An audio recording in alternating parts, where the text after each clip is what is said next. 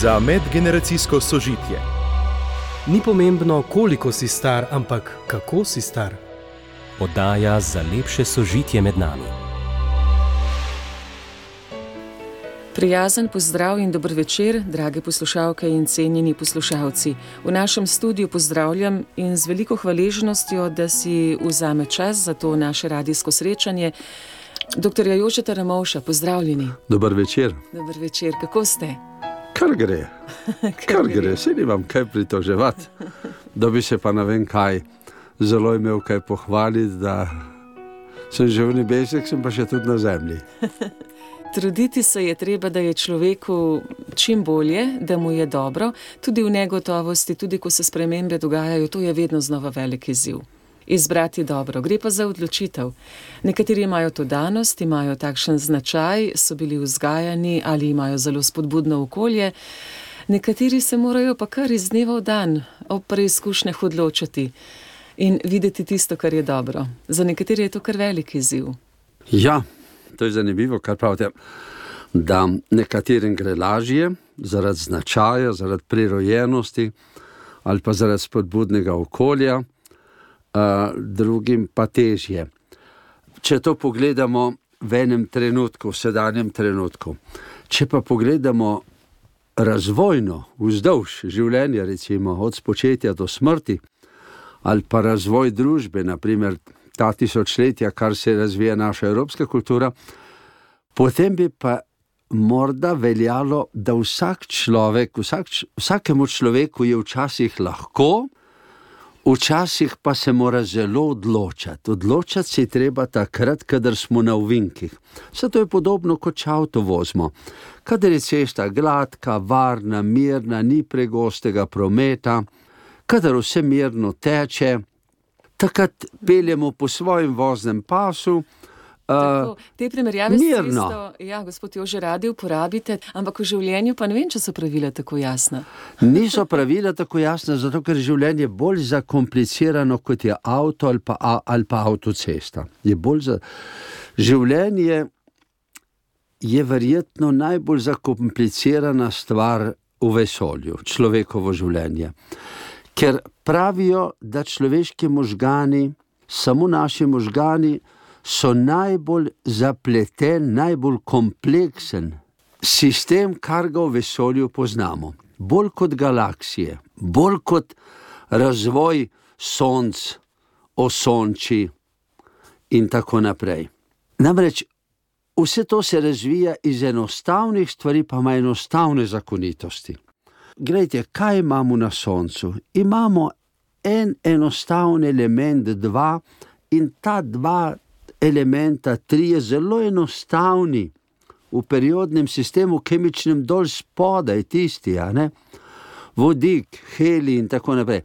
Ti se potem spajajo in nastane vsa ta energija, ki jo v vesolju imamo. Vsa ta energija pa žene potem naprej, da se elementi sestavljajo od začetka sveta, da tako rečem, od prapoka, več je dalje bolj komplicirane. In najbolj kompliciran sistem elementov na rekovaju, ki se je do zdaj v teh 13,5-14 milijardah let zgodil, da ga poznamo, so človeški možgani. In če so človeški možgani najbolj zapleteni, človeški možgani so pa volan, s katerim usmerjamo svoje življenje. In ta volan, če ga zdaj primerjamo z vožnjo po cesti, seveda ni enako zelo enostavna stvar, kot je avto, pa voziti po cesti, to je tako kot vodik, pa kisik ali pa recimo vodik, ki se spajata v heli, to je enostavno in kadar je ovink. Takrat smo navajeni, to je pa zelo ba, dobra beseda. Zato smo pa avto šolo delali, zato pa imamo 100 tisoč ali pa 10 tisoč ali pa še več kot 100 tisoč km vožnje za sabo, smo pa navajeni, da skoraj avtomatično obrnemo volan, tako kot je uvink, in da za malo zabremzamo. Vidite, to so pa navade. To pa pomeni, da najbrž je ta primerjava, kljub vsemu, da je recimo primerjava enega praška, a ne vožnja po cesti, z avtom je enostavna. kot en prah, ki leži na omari, pa ga pobrišemo. Tako enostavna. Medtem ko človeški možgani pa usmerjanje našega življenja v sožitju, v družini, v službi, v družbi, v tem dogajanju, ki je tudi letos, zdaj le med vojno v Evropi, med COVID-om, po COVID-u, to je pa tako komplicirano kot sončni sistem ali pa kot naša galaksija. Taka je primerjava. En prašek pa to. Vendar pa en prašek je isto težnost, ima se ravna po istih zakonitostih, kot se ravna cela galaksija. Zakonitosti so iste. Zato take enostavne primerjave, da v življenju najbrž vsakemu gre velik del življenja avtomatsko po tirih kot vlak. Tako kot smo se rodili, leti se razvijamo. Petmesečni, desetmesečni dojenček, eh, petmesečni, se vemo, je pa tako, pa spi, pa tako naprej, desetmesečni se pa že smeje, pa kobaca, pa tako naprej. Dvajsetmesečni, ko bo imel pa dobro leto, pa pol bo pa že govoril, pa hodil, pa raziskoval, ampak ne bo se pa še odločal zavestno. Ko bo pa v šolo hodil, se bo pa tudi odločil, vendar pa bo imel ogromno navad, učiti se bo že znal, Va, znal bo priti od doma do šole in tako naprej sam. Bo imel pa ogromno navad. Ko pa bo star, recimo 15-18 let, takrat bo pa zrel človek, takrat bo pa po puberteti, takrat bo imel pa polno odgovornost za velike stvari, za svojo galaksijo za svoj planet, planet človek, takrat se bo pa odločal. V preteklosti, recimo, če bi vzeli nazaj sto let samo v Sloveniji, pa v Evropi, pa kjerkoli, še pred sto leti se ne bi odločal. Pri 18 letih skoraj nič, ne s kom se bo poročil, ne kašen poklic bi imel, nekje bo živo, ne nič. Se ne bi odločal skoraj nič. Ko bi bile volitve, se ne bi odločal, kdo bo cesar, ker bi je bil prirojen in mu je bilo vse jasno, da najstarejši sin bo cesar. E, e, tudi ko so volitve že bile, potem, če bi bil ženska, ne bi volila predsednika države ali pa parlament. Samo moški leti, to pa pomeni, da ta odločitev, o čem se bo odločal, ta odločitev se zadnjih sto let ko smo posamezniki, se zavedamo sebe tako kot nekoli zgodi, ta odločitev se zelo veča. Zdaj pa veliko vprašanje, na to pa je treba stališče zauzeti. Vsak sam, jaz zase, vi zase in vsak zase. Ali je to dobro ali je to slabo? Ali je boljše, da, bi, da se ljudje čim manj odločijo, pa čim bolj živijo samo po enih tirnicah, navad, nagonov, družbe, zakonitosti? tako kot galaksija, kot Sonce, Luna, točno vemo, kdaj je bil mrk, pa ga ne povemo lahko sto let naprej, ali je boljše, da se odločamo svobodno. Večina, veliko ljudi, tistih, ki, tistih, ki bi rekel, prisegajo na tradicijo, na izročilo, in tistih, ki na nek način najbolj prisegajo na napredek, pravzaprav. Prav skuša svobodo uveljaviti samo zase, jaz odločam vsem. Jaz pa moja volja, kakor jaz mislim, to je sveto, to je resnica. Tisto, kar pa drugi mislijo, se drugi odločijo, pa magar so to naši odrasli otroci, ali pa politika, ali pa crkva, ali pa kdorkoli, tisto pa, če je različno od mojih misli, je pa narobe. Oni pa bož, da se ne bi odločali po svoje, ampak da bi se ravnali po enih tirnicah. Leti Evropa, pa Slovenija, ima danes toliko zakonov, pa toliko predpisov, kot jih ni bilo niti senca, nikoli niti običajev, ne, po katerih se je vedlo, s kom se bo kdo poročil, tistega, ki so mu določili. To so bili običaji, ni bilo osebne svobode, ampak običaji.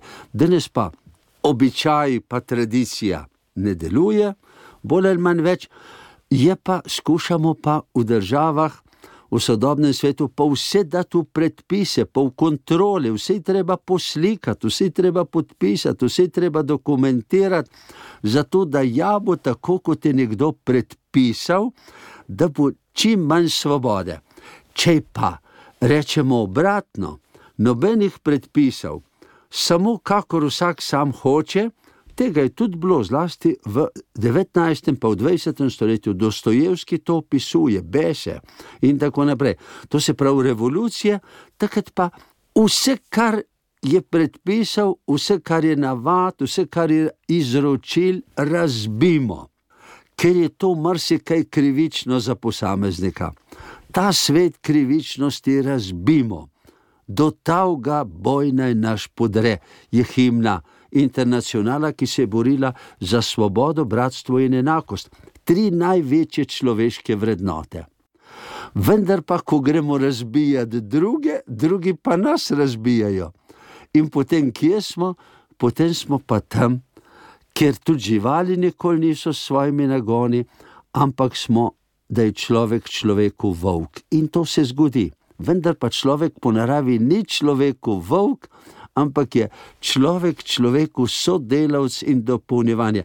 To usmerjanje sebe po svoji vesti, po svoji svobodi, po tem, kar je prav, je zelo težka stvar. Težja stvar kot razvoj vesolja.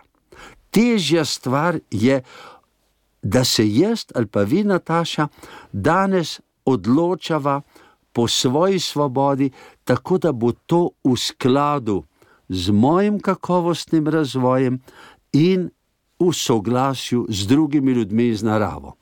To je tako težko, vendar je pa to največ, kar obstaja v vesolju. Bog je človek, zdaj pa če gremo na virsko, smo radi ognišče, Bog je človeka naredil svobodnega. Tu je ta iskra božja v nas.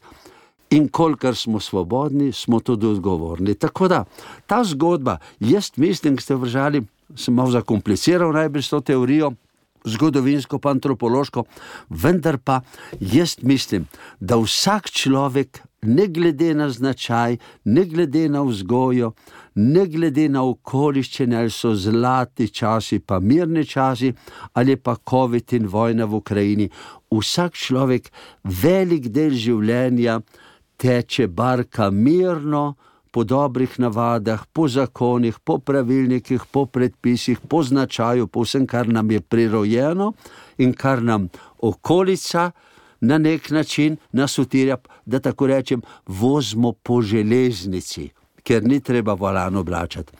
Vsak človek, še tako posrečen značaj, še tako ugoden položaj, predsednik države, bivši predsedniki države, če prej ne v starosti, ko v družbi te glavne vloge odpravimo, poklicne, očetovske, materinske in tako naprej, zlasti pa poklicne danes, ker to je glavna vloga služba, se pravi po pokriti, takrat je pa če dalje več odvisno od nas.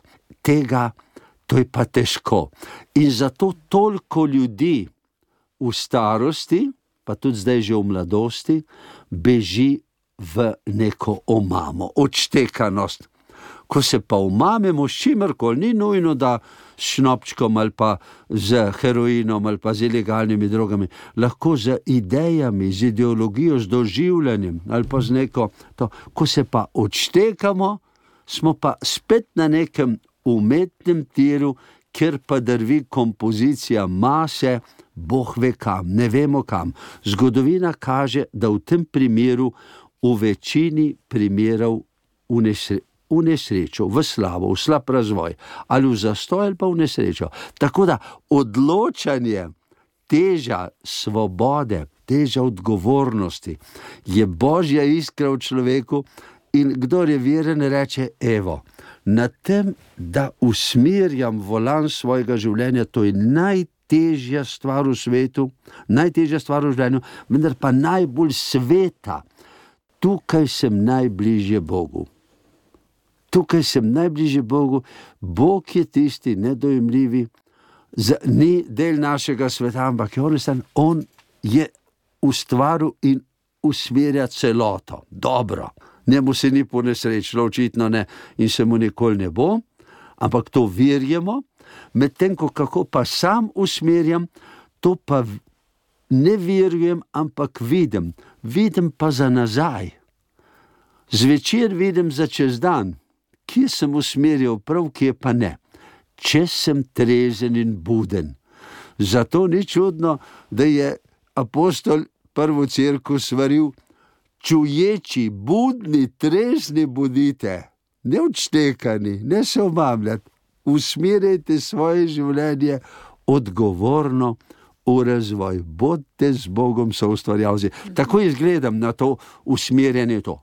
Dolenci bi rekli, anu in drugu, ne samo po navadah, pa po značaju, pa po srečnih okoliščinah, to je važno.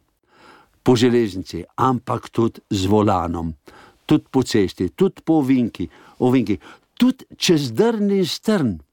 Tudi čez drni strn, tako kot motoristi, ki vozijo po divjem, pa šprica blato, letje, tudi tam je treba, pravzaprav je tam treba v blatu, čez drni strn, kader hodimo, tam je treba še bolj budno odločati, pa usmerjati svojega življenja. Tega je pa precej ker je na zahtevnih terenih vsaka napaka lahko odločujoča in lahko doživimo udarec in padec. Če sva znova pri prispodobah, si lahko to slikamo tudi v življenju. Gospod Jože Ramovž, danes je praznik Marije Pomagaj, 24. maj.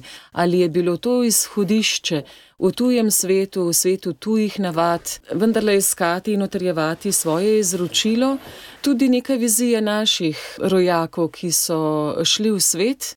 Eh, mnogi ne zaradi lastne odločitve, nekateri pa, in so potem začeli praznovati večer krščanskih izročil. Dolga leta vemo, da ni bilo slovenskega doma, kjer bi ne imeli vsaj majhne podobice Marije Pomagaj, to je bila sveda simbolika, seboj so odnesli vse to, kar ste razlagali, korenine, izročila, običaje, navade, torej neko življenje, ki so ga poznali. No, potem pa smo tudi v Sloveniji posvojili, tako v navednicah, ta dan in ga na predvečer praznika Marije pomaga, zdaj tudi obeležujemo že kar po tradiciji vrsto let. Je to ta osnova, so ti ljudje čutili, zakaj je to pomembno? Torej, imeli so volan, kot ste rekli, s katerim so odgovarjali na izzive nekega novega okolja, razvoja, po drugi strani pa vendarle niso pozabili na tisto, kar jih je gradilo. Jaz občudujem slovenske izseljence in slovenske zdomce kot malo kaj kot malo kaj. Ti ljudje so šli skozi hude strahove in stiske, večje kot drugi. Ker pogledajte, dve sorte ljudi imamo, ki so odšli iz eh, domovine in iz naše kulture, med druge narode. Eni so tisti, ki so begunci, to poznamo, zdaj jih milijone iz Ukrajine beži, tudi pri nas jih imamo, prej so bili iz Sirije, iz vojnih območij. To se pravi, begunci, ki so bežali, ti so bili v strašnem strahu in strašni bedi. Imeli so seboj tisto najnujnejše, morda nekaj denarja, ki pa v vojni, pa ob koncu vojne ne velja nič, pa nekaj obleke, pa golo življenje, pa drug drugega, če so sploh šli skupaj. Drugi begunci, ki so bili pa bolj moja generacija, zdomci, so pa šli iz potrebe po lastnem razvoju, za boljšim življenjem, po, dob, po boljši službi, po boljšem imetju, po boljšem standardu, po boljši izobrazbi, nekateri tudi danes gredo. Lete, tudi ti ljudje. Pravzaprav pa niso bili v taki stiski, v tej smeri preživeti in to, ampak so imeli drugo stisko, pri nas življenja ne moremo resničiti tako iz moje vasi tudi mojih bratrancev, pa to je odšlo veliko, čez mejo v Avstrijo, takrat, ko sem bil jaz star, recimo 15 let ali kaj takega. Jih je veliko odšlo, večina so že pomrli. V Ameriki, v Nemčiji, malo, največ pa v Avstraliji so potem pristali in so po tovarnah delali, dosegli standard. Jaz, ko sem bil v Kanadi, sem prej enem prespal nekajkrat, zavidljiv standard, vendar pa ta moj sorodnik, ne bratranc, ampak daljni sorodnik, je takrat tožil svojo ženo, prav glej. delala sva cel življenje, dosegla sva tole hišo, sva kupila podobna bila, kot bi bila hiša v mojem kraju, jo naredil zelo lepa, z vrtom, tako kot imamo mi tukaj. Pravi, ampak letos sem se upokojil in samo še eno leto imam lahko, imamo lahko hišo, potem jo pa prodajava in se bova najprej uselila v skromno stanovanje, ker toliko zmoreva potem pa v dom slovenske skupnosti, tudi domov je imela. To pa pomeni, da gledite, tudi njih, od takrat, ko so bežali čez mejo, pa niso vedeli, da jih bo na meji nekdo, en, en, en graničar vojak počul, ali bo jih bodo oni prešvrcali, ali jih bodo golfali, ki so jih čez vozili, vodili takrat, recimo čez karavanke, večinoma. In tako naprej.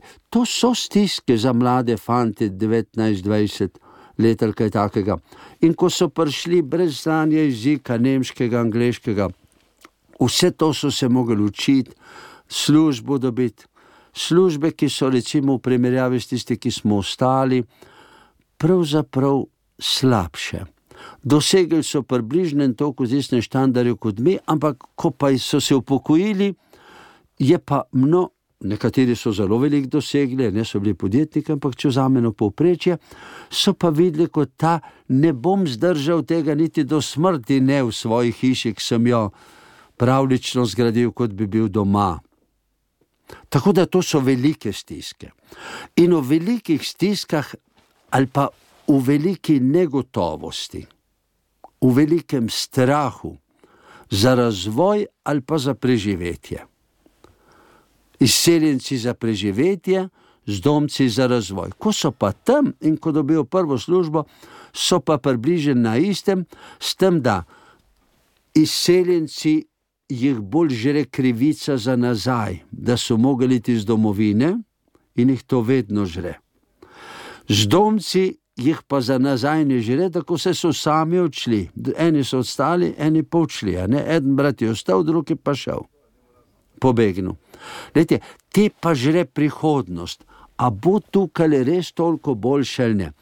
In nekateri žre domotožje. Enega od mojih sosedov pa je bil krasen fant, če ga tako spomnim, ma, od starejših od mene, recimo deset let slabih.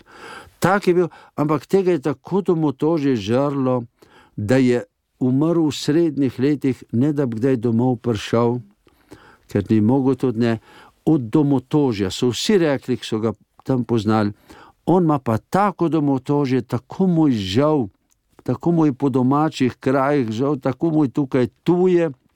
Pa je bil tam 20 let službo imel, da je pravzaprav v srednjih letih omagal, pa je bil zdrav korenjak. Ampak od hrepenenja. Ja. Od hrepenenja, se pravi, vidite, ta pa je naprej gledal, boljše pa se mu ni to tako uresničevalo in je potem bolj gledal nazaj, zelo podobno kot oni, ki so takšne krivice doživeli. Da so mogli bežati. Leti, tako da, ko si v taki situaciji, se pravi, izkoreninjen iz svoje skupnosti, Skupnost je za človeka bistvo. Če človek ni ukoreninjen z drugimi ljudmi v sožitje, potem je gorje, je osamljen. Pa naj si še tako repenči, jaz, jaz, jaz, jaz, jaz, jaz deluje tuk časa, dokler je udobje, varnost dokler je za jez, denar in tako naprej, da to država deli. Tuk časa, kako bi rekel, zelo ego dela, dokler je varnost v dobi toliko, da živim. Ko pa gre enkrat za te bivanske, kot so zdomci, pa izseljenci, takrat je pa skupnost odločilna. Skupnost ima pa svoje izročilo. Slovenski narod je teh tisoč let in pol krščanski del krščanske Evrope, to so naše korenine, to je naša kultura. In tako da gledite, vsi ti naši izseljenci, zlasti v Argentini, ta veliki čudež slovenski in svetovni, ohranitve identitete in velikega razvoja, ne samo materialnega, ampak kulturnega. V Argentini je ta manjšina slovenska dosegla tak kulturni čudež, ki ga nikjer ni. tudi domovini ne v tem času. To je bil, vidite, kako je to možno? Možno je samo, če skupnost ostane skupaj in zakorenjene na izročilo. Zato je pravzaprav to, kar je identiteta izseljencev, bila krščanska. Je bila krščanska, zaradi nje so tudi malo bežali, zaradi politične prepričanja, ki so uh, bojevalci ali pa vsaj tako bili pripadniki na oni strani, ki jo je uh, crkva pa krščanstvo podpirala proti revolucionarni. Zato vidite, v to so bili in to jih je gor držalo. Tako da, ko so svojo zakorenjenost v krščansko izročilo gojili, so pravzaprav svojo identiteto, slovensko, človeško, razvojno, delovno, podjetniško, kulturno, umetniško, ustvarjalno razvijali. To je ta čudež, ki se je rodil iz obojega. In podobno so se priključvali po naših župnijah, pa po slovenskih društvih v Nemčiji, v Švici, v Avstriji in tako naprej, v Luksemburgu, v Angliji, tudi z, z domci, ki so delali. Jim je povezovanje v slovenskem izročilu, kulturnem, pa tudi verskem, slovenskem, pomagalo, da so se razvijali. Tako da, kdor izročilo podcenjuje, ta pravzaprav sebi, sebi korenine reže. Ta si reže noge, po katerih hodi, ta bo hodil poriti, ta bo ostal, kot se reče, malo grdo, banalno, ampak kdor si korenine, kulturne, naša krščanska Evropa, tudi, tudi krščanske korenine izročila, ne pa drobne navade. Zdaj pa, ko ste rekli, drugi del je bolj izzivalen, ampak je tudi bolj kočljiv. Potem, ko so pa nazaj prihajali, ki se je Slovenija samo osvajala, takrat se spomnimo tega, smo pa to posvojili vsi. Vsi tukaj, ta dva milijona, ki tu živimo, ne bi po njihovem zgledu zacveteli ob večeru krščanskih izročil. To je bila lepa misel, ni pa šla veliko skozi. Tistih par sto ljudi, kot že se na brezah zbere, nekateri so, eh, se prižigajo svečke ali karkoli, tu je lep, kako reko, droben obredek, ki nekaj da, ni pa za korenino tega slovenskega naroda ali pa krščanske skupnosti, tistega dela, recimo, takrat se je, takrat je, se je v javnem mnenju tri četrt ljudi, več kot tri četrt ljudi imelo za kristijane, da so v krščanskem izročilu. To pa pomeni, človek bi pričakoval, da če to večer krščanskih izročil, pa vse, kar lahko za seboj potegne boljšo ukoreninjenost, za koreninjenost, za večjo svobodo v gospodarskem podjetniškem razvoju, kot so v Argentini naredili, in v kulturno-duhovnem. Oboje, da se bo to zgodilo tudi nam. Pa se ni zgodilo. Tukaj se je zgodilo od tega večera ena lepa zadeva, ki jo delamo in jo bomo delali, bo šlo naprej, vendar pa ta užigalica ni prižgala peči, ki bi grela narod. Kaj Kako mislite? to, da ja. ne? Ja, to je vprašanje. Ampak se reko, da je to razglabljanje pa kočljivo. Mhm. Zato, ker karkoli tukaj kdo reče, pri nas je pa, pa, pa v tem svetu, razvitem, Amerike, Evrope, karkoli kdo reče, kako bi bilo, prizadene tistega, ki ima drugače misli.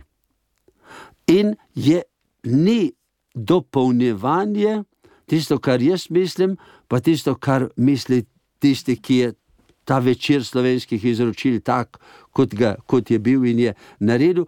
Če mi dva, če jaz malo drugače rečem, to je dobro, vendar pa ne bo užgalo. To je samo žigalica, ali pa to je na silvestrske večer ena raketa, ki bo lahko zelo razsvetlila. Pa lahko, wow, bomo rekli, kako ja, lepo gori. Ja. Ne bo pa svetila, ja. sveti pa sveti pa elektrika celo leto. Če imamo elektrarne dobre. Tega pa ni. Tako da moje misel je, da ni takrat in danes, in danes na nobeni strani v Sloveniji, ne na, kako bi rekel, krščanski, tisti, ki krščanske izročila gojimo, pa iz njih izhajamo, ne tisti, ki proti krščanska, pa to. Nobeden ne misli na celoto, pa na razvoj. Kaj manjka, kaj v krščanskem izročilu, recimo od takrat, ko so zdomci odšli 45 let, pa do 90, ko smo se osamosvojili, pa ko smo ta, kaj se je tako spremenilo? Od tistega, kar nam daje krščanske korenine. Ena zadeva, ki se je spremenila, zelo bistvena, tukaj pa nas doma in v svetu, tam zlasti po 70. letu je praznovanje, je nedelja. Brez praznovanja ni nobenega verovanja, ne krščanskega, ne judovskega, ne muslimanskega, ne nobenega. Ni nobenega sožitja v družini. Družina, ki ne praznuje redno, pa lepo, ne more več biti družina. Samo z delom, samo z razvojem, samo z hrano se ne živi trajno. Iz eno od najglobljih izročil, ki je v zgodbi o stvarjenju sveta, je sedmi dan, sedmi dan nedelja. Ta dan pa počivaj, uživaj, druži se, doživljaj lepoto sveta in veličino svojega dela šest dni. Vidite, to smo izgubili. V 70-ih letih, ko sem bil študent, smo cele nedelje delali plošče drug drugemu, ko so hiše delali. Vsako nedeljo, soboto so, smo roke podaljšali za 5 cm, ker smo beton nosili gor po tistih odrih na prvo ploščo. Smo delali in smo se navadili. Navadili smo se, da smo v šoli ali pa v službi čez teden, sobote, nedelje smo delali. In tako je do 90, od 70 do 90 dela je, leta je krščanska skupnost in slovenska, slovenski narod in Evropa zgubila nedeljo. In potem se, smo se bockali v 90-ih letih, ali ne bodo trgovine odprte, ali ne. In eni so rekli, ja, pa bodo pa mogli mamice delati zaradi nas. Trgovci so rekli, da ja, v nedeljo pa največ prodamo, lastniki. In tako je po Evropi. Glede, in, je, in je cel teden, najbolj pa ob koncu tedna, ni praznik, ampak je, kako bi rekel, shod, nakupovalni potrošniški shod. Postali smo potrošniška družba. Potrošniška družba je pa nasprotje zakorenjenosti v, v krščansko izročilo. To pa pomeni, večer krščanskih izročil bi bil elektrarna, ki bi znova ogreval razvoj slovenske kulture tu v domovini.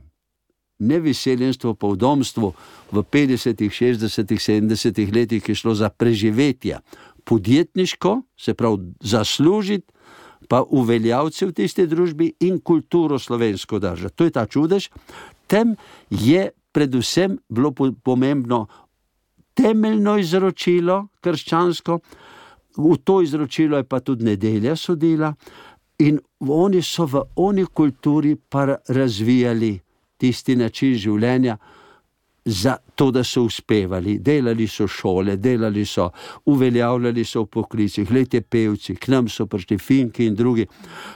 Vse to se je tam zgodilo, podjetniki, koliko so v osamosvojitvi Slovenije prispevali z domci, pa izseljenci s svojo ustvarjalnostjo, s svojim denarjem, s svojim vplivom, ugledom v svetu, veljavnostjo in svojim glasom, svojo kulturo, svojo identiteto. Tukaj pa če rečemo, tukaj pa gledajte, revoluci dediči revolucionarni so, je bila takrat, so bile vdaje še pomnite, tovariši. Desna stran, naša krščanska, pa bolj ali manj še pomnite, tovariši, samo te besede nismo uporabljali, ampak drugo hibno smo se naredili, včasih je lušno bilo, zdaj pa ni več tako. In pimo vinček naprej.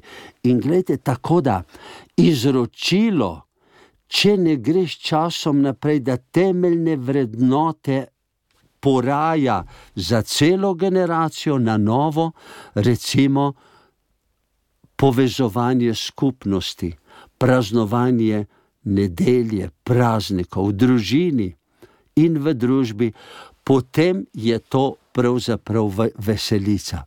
Lepa, dobra, mora biti, vendar pa veselica. Tako da, jaz sem zdaj bil malo kritičen, tisti, ki posluša, pa je kritičen, bo, bo rekel: Jože Ramovš kritizira. Ne kritiziram, ampak hudo mi je. To, da je krščansko izročilo šlo v potrošniško. Lejte, ta potrošniška miselnost v srcu vodstva krščanske cerkve je naredila tudi Mariborsko piramido.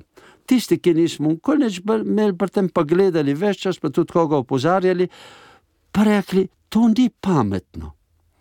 To je potrošniška miselnost na temelju imetja. Pa če so še tako mi rekli, jože, če bi pa uspelo nazaj, ko sem kašen to rekel, visokemu. Če bi pa uspelo, bi pa tudi ti zraven red, kašen sladoled polizal. To mi je zelo prizadelo. Mi je prizadelo. Glede, gre za to, da krščansko izročilo, ki je tako pomembno, peljemo in razvijamo naprej, tako kot so ga Argentinci, ki so kulturni čudež delali in gospodarski čudež na temelju krščanskega izročila in so imeli praznik tega večer izročil. Tudi mi ga imamo, samo ne deluje za razvoj, deluje pa za spomin na prednike. Deluje kot ti, gledajte, kdo je izgubil vero in ne razvijal, pa je zdaj star mojih let, pa je živel, pa je iz družine krščanske bil, potem pa od srednje šole naprej pusto, ta si kupi ali pa nabavi nekje enega svetnika, pa ga da v to, to ko doživljam to. Pa se mi milo stori, pa gledaj, ta, ta človek ima spomin iz otroštva na svoje uh, izročilo, in zdaj mu to na nek način prihaja v obliki ene folklore, enega muzeja. Pa te reki, jože, prestrogo sodiš in boste prav imeli. Jaz prestrogo sodim. Ta človek, ki je cel življenje živel v podružbi, kakršna je bila, a ne? Se pravi, komunistični socializem smo imeli, pa je v tistem se inkulturiral, se pravi, si je izkorenil iz krščanskega izročila, potem je v tistem živel, uspeval, ima veliko, ima solidno, bo mirno živel, otroke, vzgoju, vse, kar je bilo. In zdaj, ko bi rekel, na starost, pa ko, ko si na obisku, pa s ponosom pokaže, glej, kakšen lep kip ali pa sliko sem kupil, pa imam tukaj, obesem spomin pa karkoli to Brezijanska Marija, aj to slabo ali dobro. Lejte, to ni ne slabo, ne dobro. To je človeško. To je človeško. In je dobro. Če se jaz repenčim,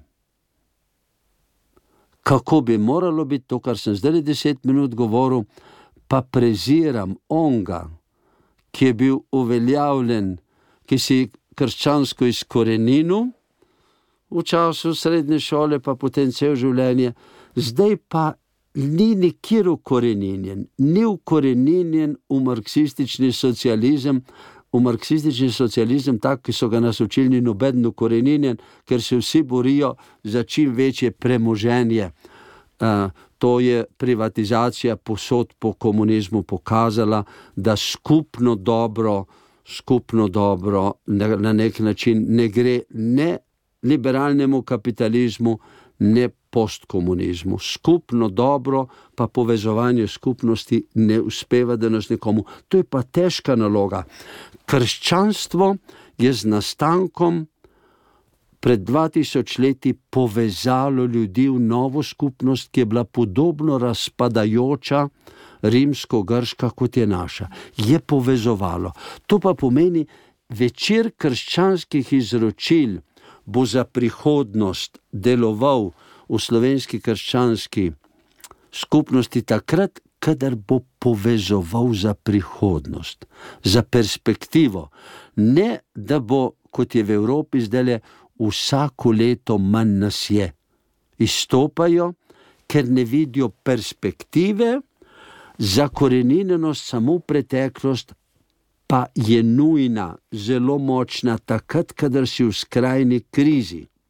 Izseljenci z domci so bili v skrajni krizi, te je gor držala zelo močna zakorenjenost v lastni identiteti, kadar pa imamo zmirno obdobje, ali pa veliko, kot ga imamo v, v, v uh, Evropi, pa v Sloveniji zdaj, takrat je pa poleg zakorenjenosti enako pomembna razvoj svobode in odgovornosti razvoj svobode in odgovornosti. Te pa ne moramo razvijati brez sodelovanja z vsemi, kar nas je in z naravo, ki jo uničujemo. Tako da tukaj so tako težke naloge, vendar pa lepe, mnogih pa delajo.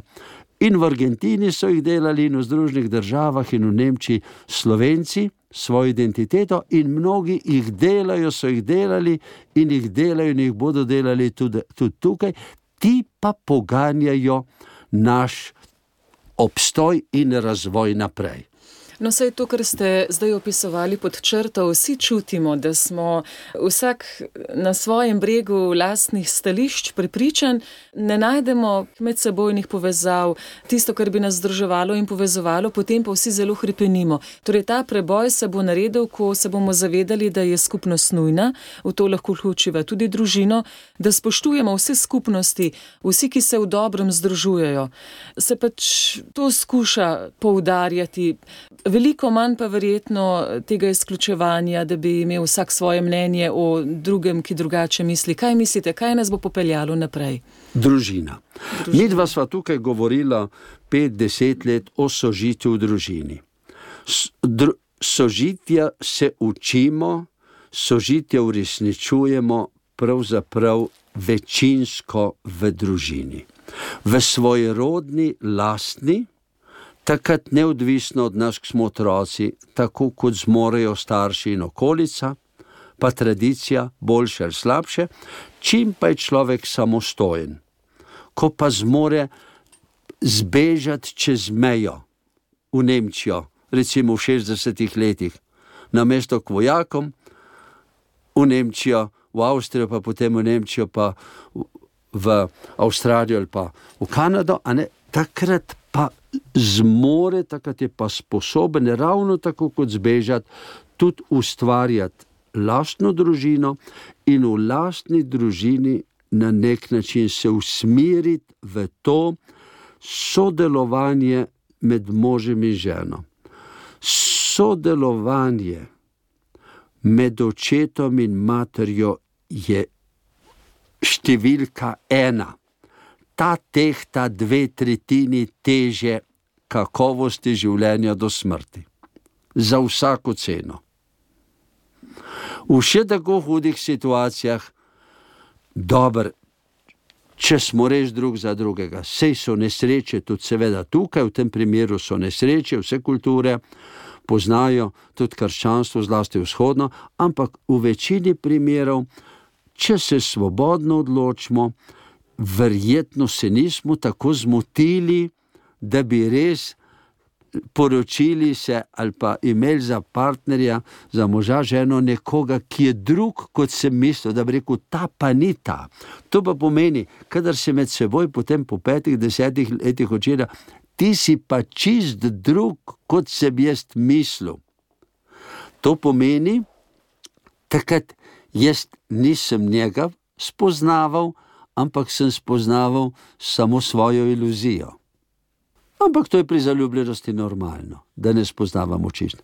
Vendar pa ni tisti tako drugi, tako men nasprot, nikoli bil in zdaj ni, da bi bil res čist drugi. zanka je v tem, da ne on, ne jaz, ali pa vsaj jaz zase govorim, v tem primeru nisem si rekel, treba bo delati. Ne samo za poklic, ne samo za hišo, ampak tudi za sožitje. Po, let, po drugi svetovni vojni, zlasti pa po revoluciji, tej spolni in vsej drugi mladinski, tam konc 60-ih let, je sožitje enako odvisno od nas kot nakup avta pa stanovanja. In tega, gledajte, tega se naša tradicija, krščanska tradicija, ni zavedla, da pravzaprav v tradiciji so sožitje oblikovali običaji, tradicionalni običaji, patriarhalni in drugi, v dobrem in slabem, medtem ko po 70. letu pa nismo samo novih hiš delali, pa avtomobili začeli kupovati, ampak je tudi sožitje med možem in ženo postalo odvisno od njih, tako kot odločitev, ali bo pobegnil v tujino, ali bo doma v službo šel, ali bo hišo delal, ali bo za avtomobil šparal in tako naprej. Enako. Tega nas ni, breku, vodstva naših skupnosti, politično vodstvo Slovenije, takrat kulturno vodstvo Slovenije, ministri, predsedniki države, socialistična zveza, zveza komunistov, kdorkoli na počitnični, politični ravni, ki so takrat vodili. Škofje in vsi drugi, ki so pa vodili našo crkvo, takrat niso zaznali, da gremo v potrošništvo, v svobodo potrošništva, ne pa v svobodo lepšega sožitja. Tako da ta prekretnica, takrat, ko smo nedeljo izgubili, takrat smo izgubili tudi prvo možnost, pa ne zadnjo. Prvo možnost, da bi enako kot smo zavestno avtomobile kupovali, ali pa kot so zavestno z domci pobegnili čez mejo, ali pa zavestno hiše delali, da bi zavestno rekli, najtežja in največja naloga mojega življenja bo dan za dnem ustvarjanje lepšega sožitja med menoj in ženo. Kar bova mi dva naredila med seboj, to bodo otroci avtomatsko sprejeli. To pa pomeni sožitje s praznovanjem ured in z delom ured in z gradnjo hiše, sožitje in sodelovanje v družini, psihoterapeuti to po celem svetu 20. stoletja, ko kar naprej karambole, uh, dobivajo pred sebe, pa vidijo, je v raziskavi kažejo dve tretjini zakorenjenosti pomeni razvoj sožitja v družini. V tem primeru krščansko izročilo cve, uscvete v krščanski razvoj. Zato pa so zakonske skupine. Male skupine, po pet, deset družin, ki se druži, pa se med seboj pomagajo. Mi smo snoči imeli prav snoč, srečen enkrat na mesec imamo devet parov, snoč nas je bilo osem, eni so zbol, en je bila bolezen, tako da so nas oddaleč, drugače pa smo zdaj fizično spet enkrat na mesec, ene štiri leta se dobivamo. Pari, ki imamo otroke nad 18 let stare. Leti spoznam zakonske skupine, one za mlade pare, ti so nujne, te so nujne, da bodo zacveteli v razvoj družinskega zakonskega sožitja. Vendar pa je zelo veliko število tudi parov, ki imajo otroke, ki so starejši od 18 let. Pa zelo veliko število ljudi samskih, hudovih, ločenih. Skupine, za izročilo, za zakorenjenost in razvoj v tretjem življenjskem obdobju do konca je za te enako važen. Ob staranju prebivalstva morda še bolj. Zato, če bi na mesto, uh, Mari, bom spet eh, hec naredil, ker tukaj nimam res nič pri tem, nič nisem uložil, nič nisem uh, dodal, nič oduzel, delali so po svoje, ampak Mariborska piramida je velik škandal bila potrošniški škandal, pa lahko še tako pišemo knjige, da so drugi na Limance uh, uh, dobili nasprotniki crkve. zvonove, pa, tako, pa je vse to lahko res, ampak v končni fazi je res, da modro, modr razvoj slovenskih krščanskih izročil, pa, pa crkvenega občestva, pa to ni bil. Da je bil pač v stilu imetja potrošništva, kar je potrebno, jaz razumem, crkvi treba popravljati, vse treba popravljati, vendar pa bistvena stvar pa je le družina, skupnost, povezovanje, razvoj. In nedeljo, če bi tukaj energije dala skupnost krščanska v Slovenijo v 70-ih letih, pa v 80-ih, pa potem ob samosvojitvi 90, v ohranitev praznovanja v družini, kot ga je dala v Mariborsko piramido, potem bi veliko, veliko več, ne bi imeli 400, 300, 400, 500 zakonskih skupin, ampak bi jih imeli 5000. Od teh 5000 bi zdaj jih bilo vsaj recimo 1000 starejših parov. Starejših, tako kot smo. Leti, in tukaj se napajamo. Napajamo se pa v izročilu, v krščanskem izročilu, tisočletnem, napajamo se v slovenskem kulturnem in narodnem izročilu.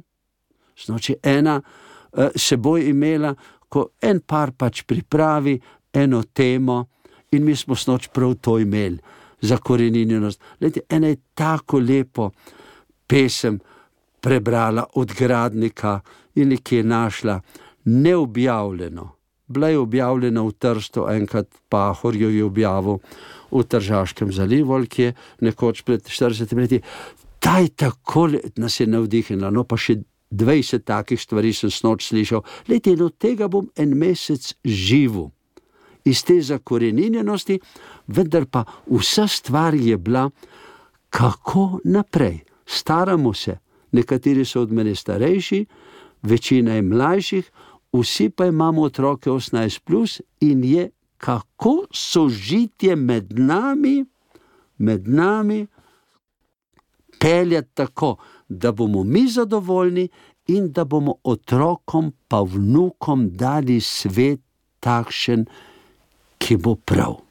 Ja, odgovor je na dlani. Če se bomo povezovali in bomo skupaj rasli v zakonu s sopartnerjem, družina je osnova in družina lahko zelo lepo potem razširi tudi naprej na potomce, to varnost, to zakorenjenost, to bodo imeli v sebi, v krvi se jim bo pretakalo in bo verjetno tudi lažje pri soočanju z izzivi ob težkih razmerah. Upajmo, da se vračamo nazaj, da smo na lasni koži spoznali, kako hudo je, če smo izkorenjeni če nimamo neke tradicije, če tudi narod ne čuti neke povezanosti med seboj.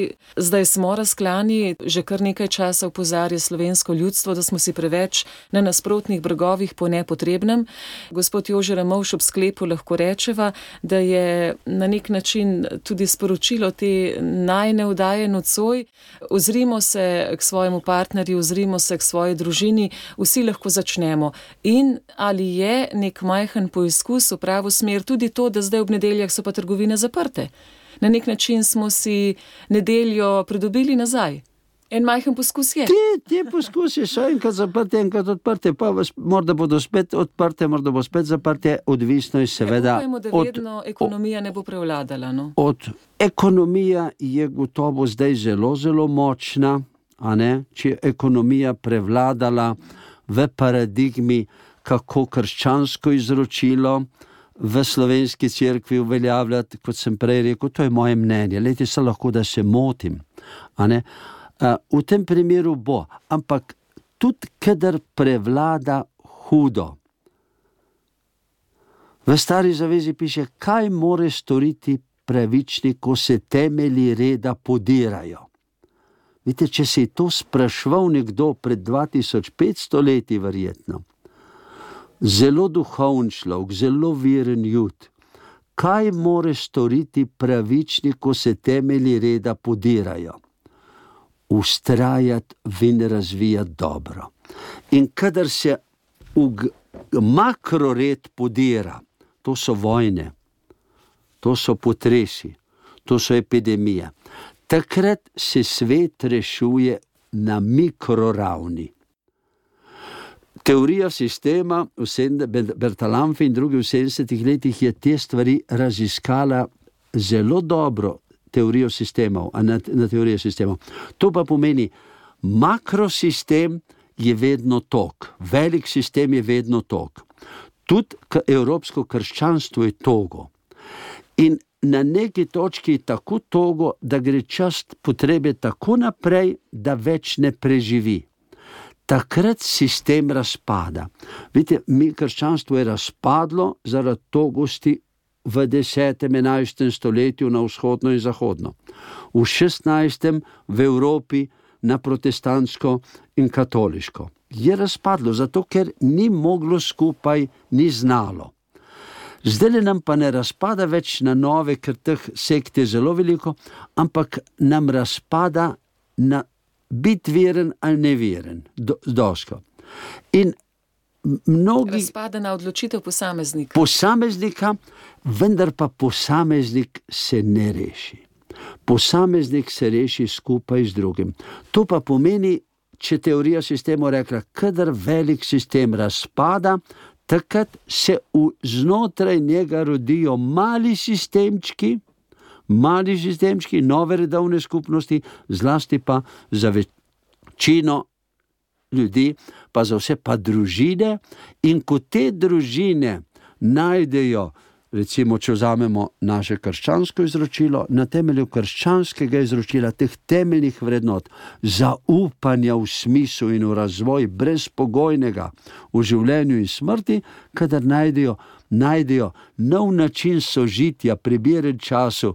Na, tej, na teh vrednotah krščanskega izročila, takrat se iz njih rodi razvoj na novo. In to se dogaja. To se danes dogaja bolj kot se je dogajalo kdajkoli v zgodovini, da se rojeva novo znotraj razpadanja starega v Evropi. In ko bo tega novega dovolj, takrat bo spet sistem bolj velik.